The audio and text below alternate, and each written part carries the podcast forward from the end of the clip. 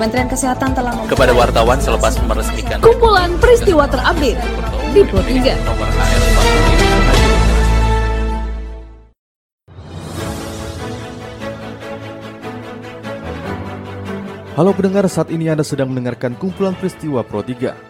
Pada podcast kali ini saya akan mengulas terkait isu-isu aktual yang saat ini masih hangat atau ramai diperbincangkan di sekitar kita. Tentu saja pendengar, nanti akan saya hadirkan cuplikan informasi dari reporter kami. Bersama saya Karisma Rizky, inilah kumpulan peristiwa Pro 3 di ruang dengan podcast Anda.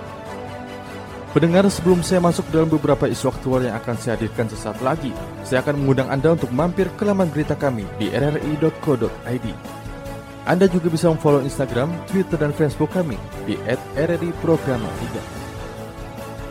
Baiklah pendengar, inilah kumpulan peristiwa Pro 3. Pendengar Wakil Presiden Republik Indonesia Ma'ruf Amin bersyukur sektor pertanian tumbuh positif dan menjadi tulang punggung bagi perekonomian nasional. Padahal tantangan di masa pandemi COVID-19 berat, bahkan Badan Pangan Dunia menyebut pandemi berpotensi mengakibatkan krisis pangan.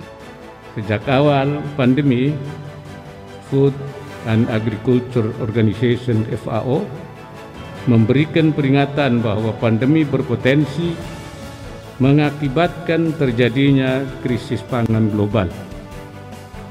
Pandemi dikhawatirkan akan berimplikasi pada kebijakan pangan masing-masing negara dan menurunkan kemampuan produksi mereka.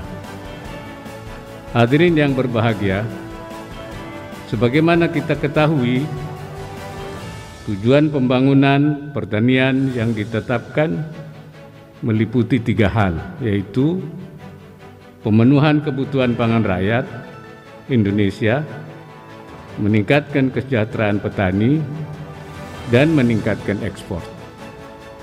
Terkait pemenuhan kebutuhan pangan rakyat Indonesia, Alhamdulillah pemerintah masih bisa menjamin ketersediaan 11 komoditas utama bagi 273 juta jiwa masyarakat Indonesia. Produksi beras nasional dalam dua tahun terakhir pun juga sangat menjanjikan. Hingga minggu ketiga Agustus 2021, stok beras mencapai 7,60 juta ton. Kita ke informasi lainnya. Pengamat politik dari Lembaga Ilmu Pengetahuan Indonesia atau LIPI, Profesor Siti Zuhro, menilai isu perombakan kabinet karena ada penilaian yang kuat dari masyarakat. Dalam perbincangan bersama Pro RRI, Siti melihat para politisi yang menjadi menteri mulai berkompetensi untuk pilpres selanjutnya. Disampaikan Fitra Maria berikut penjelasan Siti kelihatannya tidak happy gitu ya karena ada menteri yang juga nyelonong ke luar negeri dan sebagainya. Mm-hmm. Lalu diingatkan lagi bahwa kabinet ini menteri-menteri sebagai pembantunya ini juga harus uh, menjalankan gitu ya visi misinya presiden kan itu. Jadi ada kekecewaan lah. Ya, khawatir memang uh, mereka ini sudah mulai para politisi yang menjadi pembantu presiden ini kan sudah mulai fokus ke kompetisi untuk pemilu yang masih jauh sebetulnya 2024 kan gitu. Ya. Nah, tentu evaluasi itu uh, meskipun mungkin tidak dilakukan oleh istana gitu, publik melakukan evaluasi ya, khususnya terkait dengan eh, dampak-dampak uh, pandemi yang luar biasa gitu ya. Indonesia kedatangan vaksin COVID-19 tahap ke-61. Asisten Operasi Kapolri Irjen Imam Sugianto menjelaskan jumlah vaksin yang diterima pada kemarin adalah 1,8 juta dosis Sinovac dalam bentuk jadi. Dikabarkan Perita Hadi berikut keterangan Irjen Imam. Berupaya keras menghadirkan vaksin COVID-19 untuk memenuhi kebutuhan vaksin di Indonesia.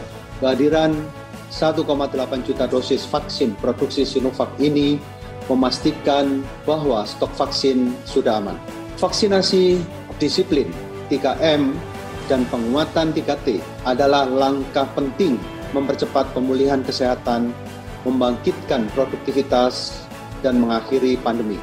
Menteri Koordinator Bidang Pengembangan Manusia dan Kebudayaan Muhajir Effendi mengatakan bahwa saat ini pemerintah sedang menyusun skenario peralihan dari pandemi menjadi endemik sehingga penyebaran COVID-19 hanya lingkup kecil. Dilaporkan dari Herani berikut pernyataan Menko PMK Muhajir. Yang penting kita harus sudah mulai beradaptasi dengan suasana COVID-19 dari yang sifatnya pandemi kemudian menjadi endemi.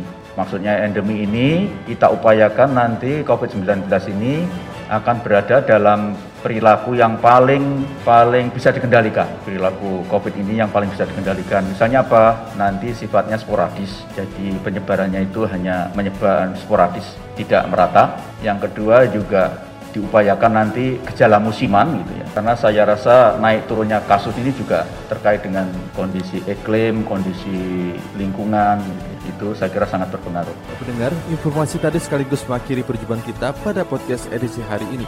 Anda juga bisa mendengarkan podcast edisi hari ini di Spotify dengan hanya mengetik Pro 3 RRI di kolom pencarian Anda.